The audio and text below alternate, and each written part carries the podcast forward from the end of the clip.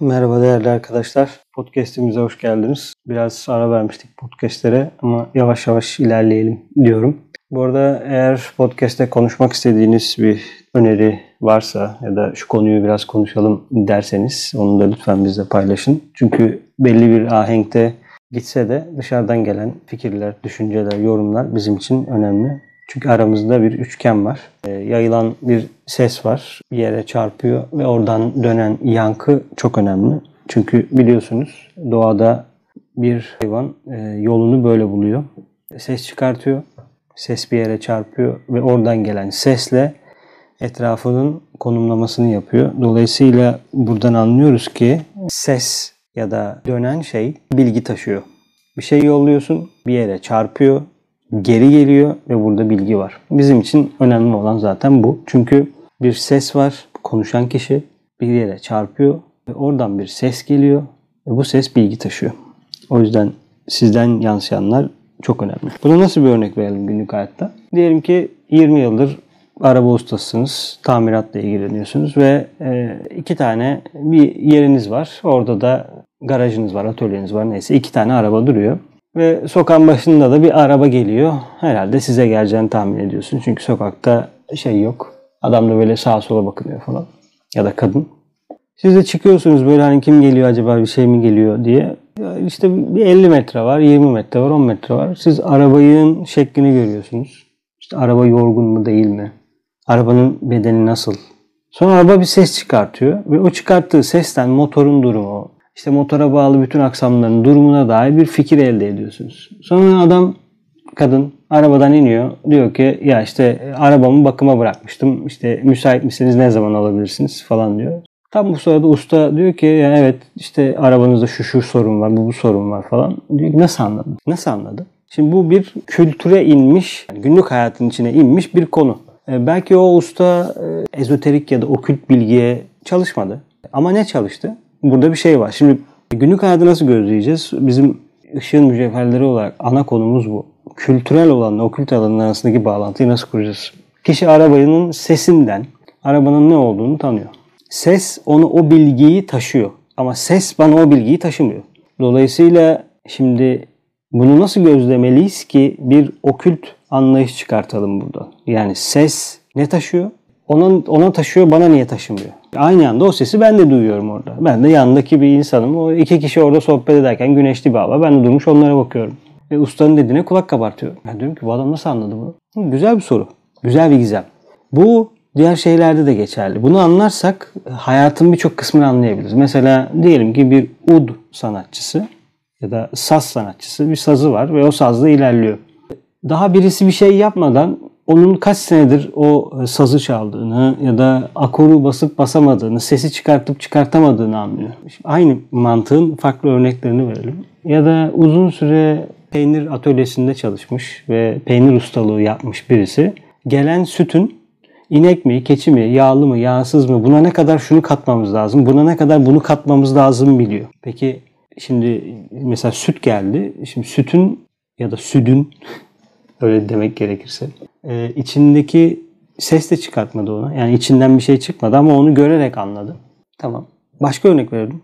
Diyelim ki uzun zamandır asfaltlama işinde çalışıyorsunuz ve öyle bir şantiye şefliğiniz var ya da orada bir çavuşluk yaptınız, şeflik yaptınız neyse.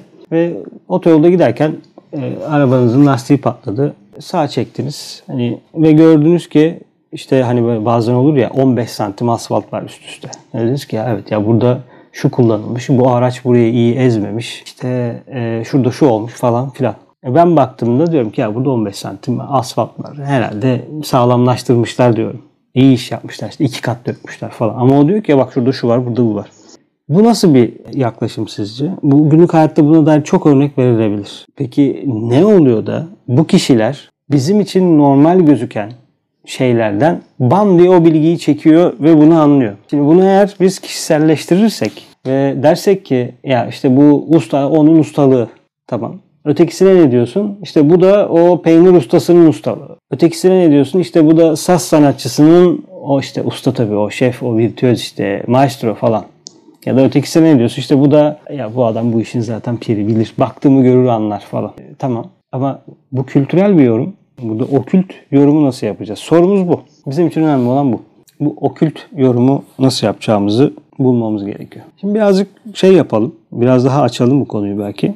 Ee, ustanın yanında bir çırak var ve usta arabanın bu sesinden sorunu anlarken çırak anlamıyor. Ustayla ustanın verdiği işleri yapıyor. Ustayla arası iyi. işte etrafı temizliyor. İşte ne bileyim çok iş yokken bir şeyleri tamir ediyor. İşte fazlalıkları çöpe çıkartıyor falan bir şeyler yapıyor. Aradan vakit geçiyor. Usta bir iki gün gelmiyor ya da işte öğlen diyor ki ya ben 3 gibi çıkmam lazım. İşte hastaneye vuracağım ya da işte bankada işim var falan. Neyse sen şu diyor şu kalan işleri hallet. Zaten bu diyor bundan sonra senin yapabileceğin bir şey diyor. Şimdi o genç arkadaş başlıyor işte orada bir şeyler yapmaya. Motorun içine doğru giriyor. İşte bir iki vida sıkıyor. Ondan sonra motoru çalıştırıyor, dinliyor. Bir şey anlamıyor, bir daha sıkıyor, bir daha dinliyor. Sonra bir ses geliyor. Bir daha sıkıyor, bir daha dinliyor. Bir ses geliyor, bir titreşim oluyor. Ondan sonra dokunuyor. Ee, diyor ki tamam, şimdi oldu. Evet, bu kadar sıkılık sonucunda böyle bir şey oluşuyor. Bunda iyi.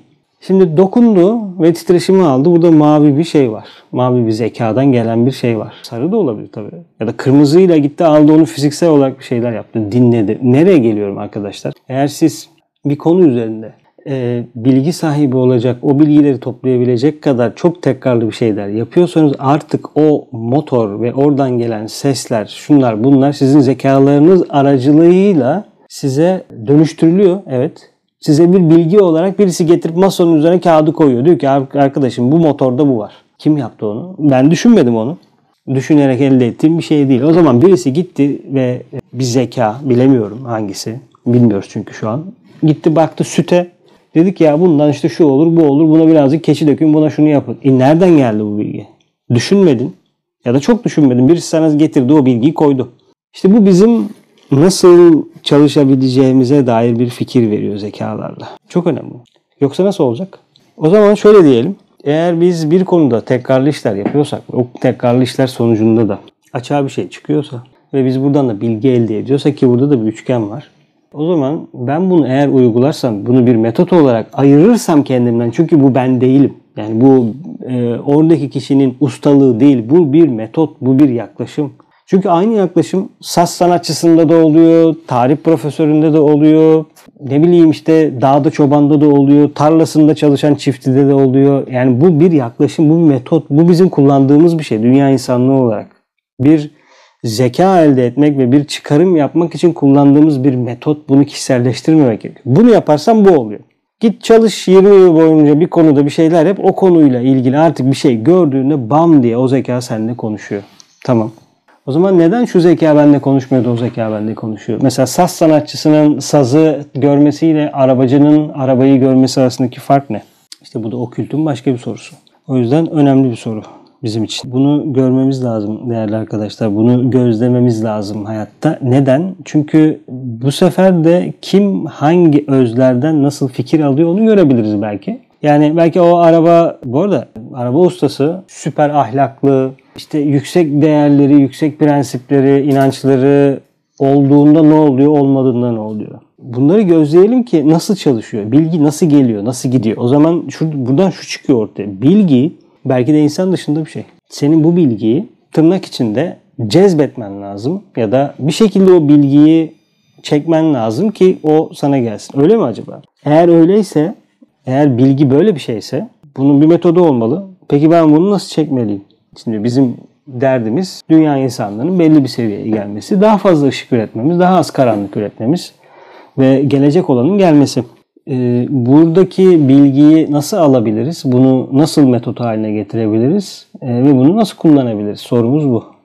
Çünkü burada bir metot var. O zaman bilgi bizim dışımızdaysa ben çekmek istediğim bilgiye dair verileri nasıl toplarım? Mesela ben Araba tamiratıyla ilgilenmiyorum. Sazlarla ilgilenmiyorum. Peynir yapmayla ilgilenmiyorum. Buğdayla ilgilenmiyorum. İşte koyunların nasıl otladığıyla da ilgilenmiyorum. Çünkü bunların hepsi gezegensel bir şey. Gidip bunlarla ilgili bir şey toplayabilirim.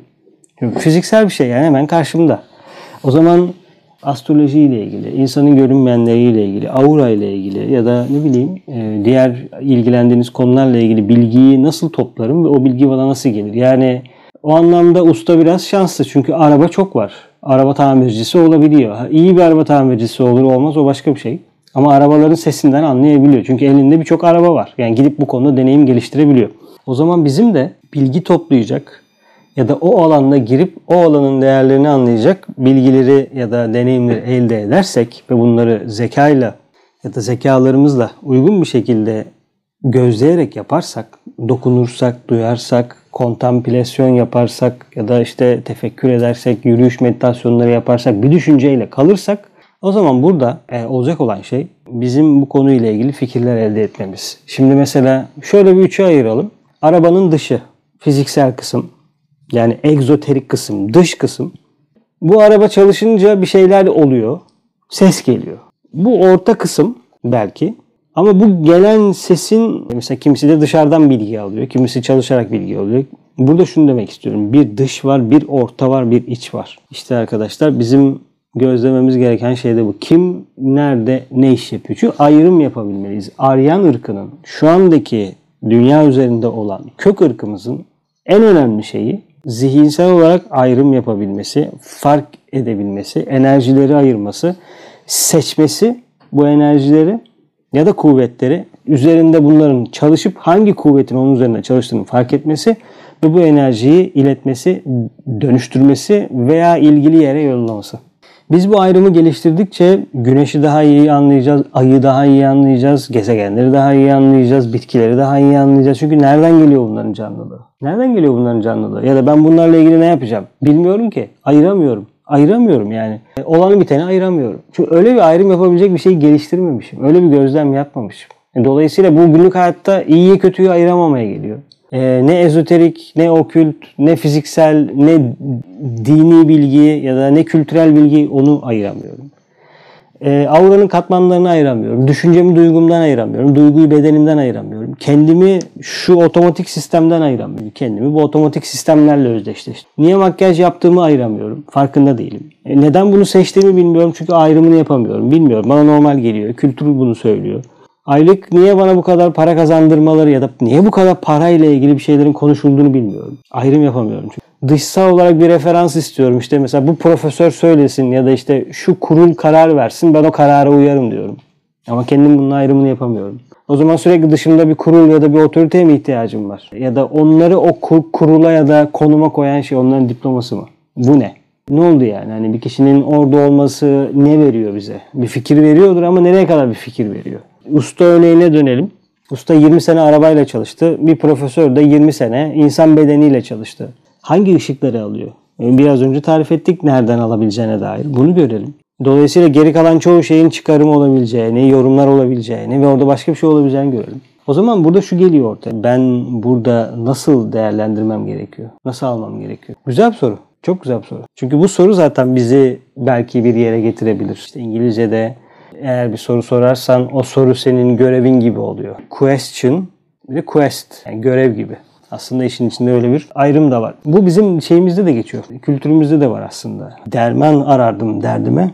Derdim bana derman imiş. Evet bir dert var. Yani bir sorun var. Bir derdin var. Soru soruyorsun. Ama bu soru senin dermanın çünkü sen bu soruya cevap bulmak için diğer diğer dolaşıyorsun ve günün sonunda ya da yolculuğun sonunda bir şey elde ediyorsun. Sonunda o elde ettiğin şey senin oradaki bir sorun gibi, soru çıkarışın gibi. Bu önemli bir konu. O yüzden kim nerede ne zeka ile çalışıyor, ne yapıyor, hangi merkez gelişmiş, sesi nasıl duyuyor, arabanın dışını nasıl görüyor, bedeni nasıl yorumluyor. Bu ayrımları yapabilmemiz gerekiyor. Bu ayrımlar bizi değerli arkadaşlar istediğimiz yere doğru yavaş yavaş ilerleyecek, ilerletecek. Akışta o kadar çok şey olabilir ki kültürel olarak. Sertifikalar, eğitimler, farklı farklı okumalar, farklı farklı değerlendirmeler ne oluyor yani? Ne elde ediyorsun bu şeylerden dolayı? Yoksa bunlarda kötü bir şey yok. Bir ışığın bir seviyesiyle, bir anlayışıyla, bir yaklaşımıyla hayatımızı geçirebiliriz. Ya da bunlarla ilgili ilerleyebiliriz. Ama olmamız gereken şey bu mu? Olmamız gereken seviye bu mu? Bu mudur yani insan varlığının e, konuşması gereken seviye? Cümleleri bile ya da düşüncelerimiz bile şu an hangi aşamada? Yani şey haldeyiz bence. E, mesela hala birbirimizi öldürüyoruz. Hala birbirimizi öldürmekle ilgili bir şeyimiz var. Yani bu tabii ki karma var işte yasalar var şu bu ama yani bir de bu bu da bir realite yani birbirimizi öldürdüğümüz bir gezegendeyiz şu an. Ya da maddeyi sadece kendi amaçların için tuttuğun ve paylaşmadığın bir yerdesin. Şimdi böyle bir şey olabilir mi? Hani bu kadar geçiciliğin içinde yani maddeyi yapan belli zaten. Maddeyi formu oluşturan belli. Ya da inşaatçılar diye tabir edilen bir yer var. Ama sen bu maddeyi kendin için tutuyorsun. Çok ilginç bir konu. Ve bütün kültürü, bütün hayatımızı da o maddeyi tutanların o madde paylaşımlarının miktarıyla belirliyor ve sana diyorlar ki işte senin 180 saatin var, senin 200 saatin var, işte şu bu. Yani illa bir derecelendirme, bir fark olmak zorunda. Zaten o fark karma olarak yok mu yani?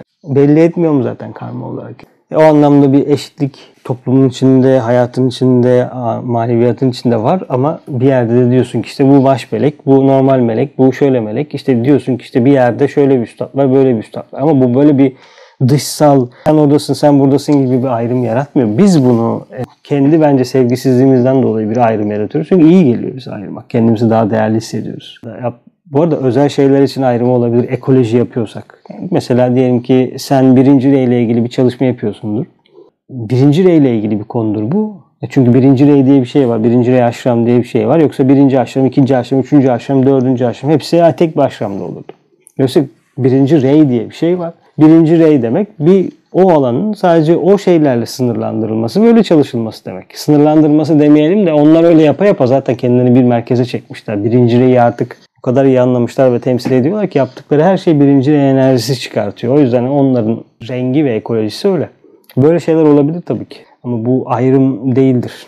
Evet e, aslında bugün e, yani bu podcast'te konuşmak istediğim şey zekalar ve zekaları anlamak tan ziyade birazcık spiritüalizmi konuşmak e, istiyorduk. Çünkü spirit konusu ya da spiritler, spirit dünyası, o dünyaya geçmek, o dünyadan bir şeyler almak, Mahatmaların ya da en azından Teozofinin ilk başlarında üstadların bize söylediğine göre ve Balavatsky'nin de bize söylediğine göre ki zaten hiyerarşinin dağıtımlarında böyle bir şey bulmak mümkün değil.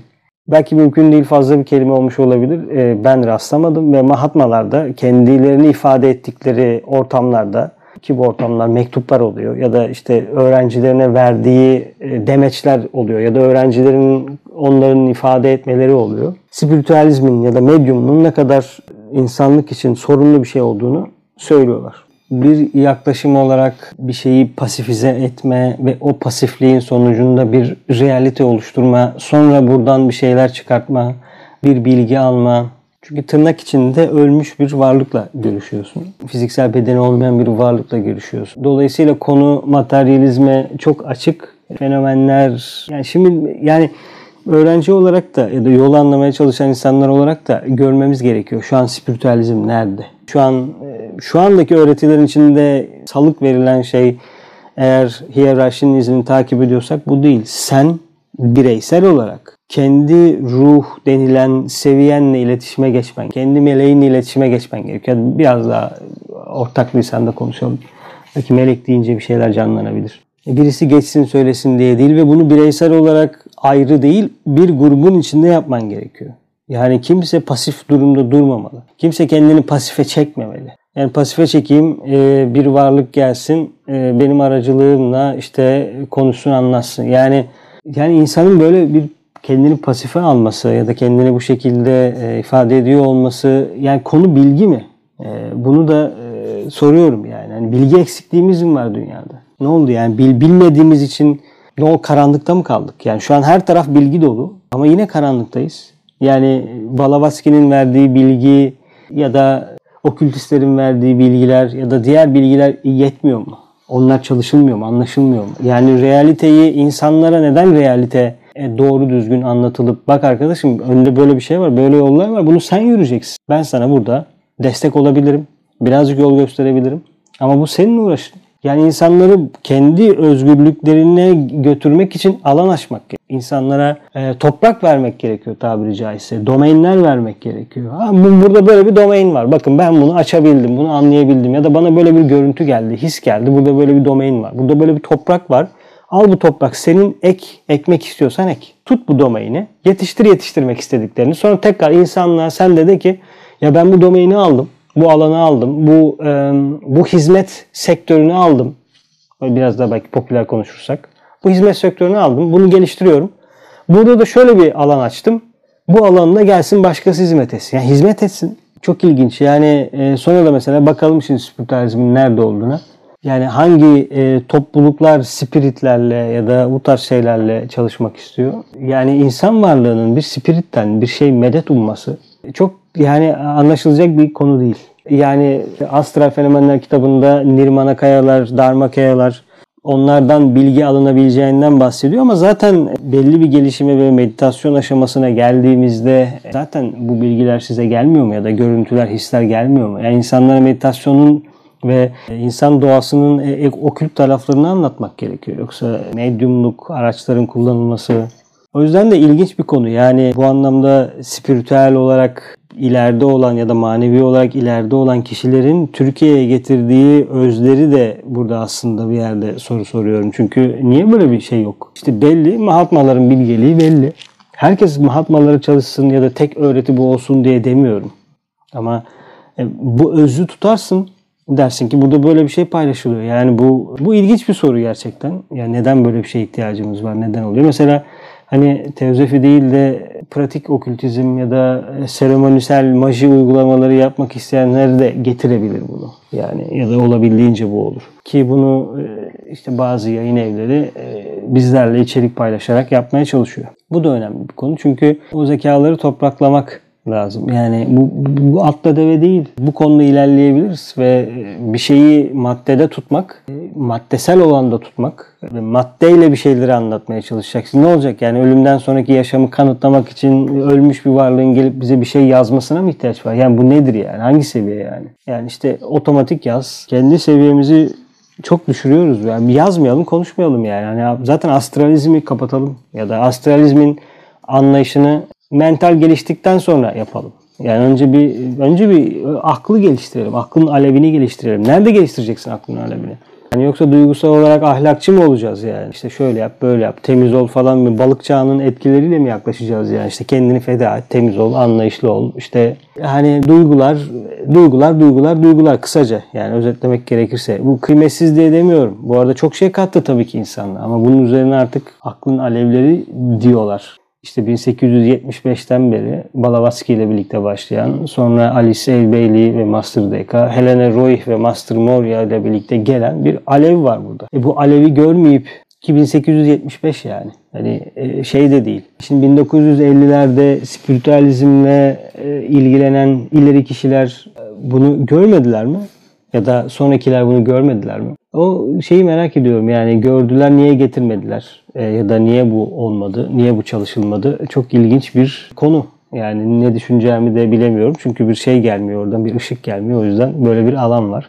Yani e, öğrencinin de burada bir değer farkı üretmesi gerekiyor. Çünkü sağlam temele oturan e, yaklaşımlarla bir e, ilerleme elde etmek bizim için önemli. Yani bir workshop al, bir şey al, kendinle ilgili soru. Hayır bir yol var. Bu yol belli bir aşamada gidiyor. Ömrünün sonuna kadar çalışmaya devam ediyorsun yani. Bu, okumaya, hizmet etmeye, anlamaya, gayret etmeye devam ediyorsun. Bu yolları keşfetmek önemli. Uzun soluklu. Yani bu e, illa ışığın mücevherleri olacak, başka bir şey olacak değil belli zaten. Yani işte teozofinin bir yaklaşımı var. Teozofinin üzerine Master DK'nın getirdiği bir yaklaşım var. Master DK'nın üzerine Agni Yoga'nın getirdiği bir şey var. Kısacası Mahatma bilgeliği. Yani e, beyaz kardeşliğin bilgeliği. Ve dünya hizmetine dayanan, e, dünya insanlığının gelişmesine dayanan, karanlığın ortadan kaldırılması, aydınlığın getirilmesi, insanın yüksek fakültelerin aydınlanmasına sağlayan bilgelikler. Başka topluluklar güzel ışıklar üretiyor, insanlığa hizmet etmiyor anlamında söylemiyorum. Çok kıymetli topluluklarımız var ve bu, topluluklar e, dünyanın dünyanın bu topluluklara ihtiyacı olduğu biliniyor zaten. Ama belki onlar zamanının şimdi olmadığını düşünüyorlardır. Belki kendi planları böyledir. O yüzden e, en azından Master DK e, Vali Sebeyli ile kitapları, çalışmaları 70 yıldır. Belki daha fazla çünkü 1920 olsa 80 80'i geçmiş dünyada olduğu için ona ağırlık vermek istedim. Evet değerli arkadaşlar podcast tabi hızla devam ediyor ama belli bir yerde durmamız gerekiyor ki porsiyonlar ve bir sonraki an oluşabilsin. Teşekkür ediyorum katıldığınız için. Görüşmek üzere.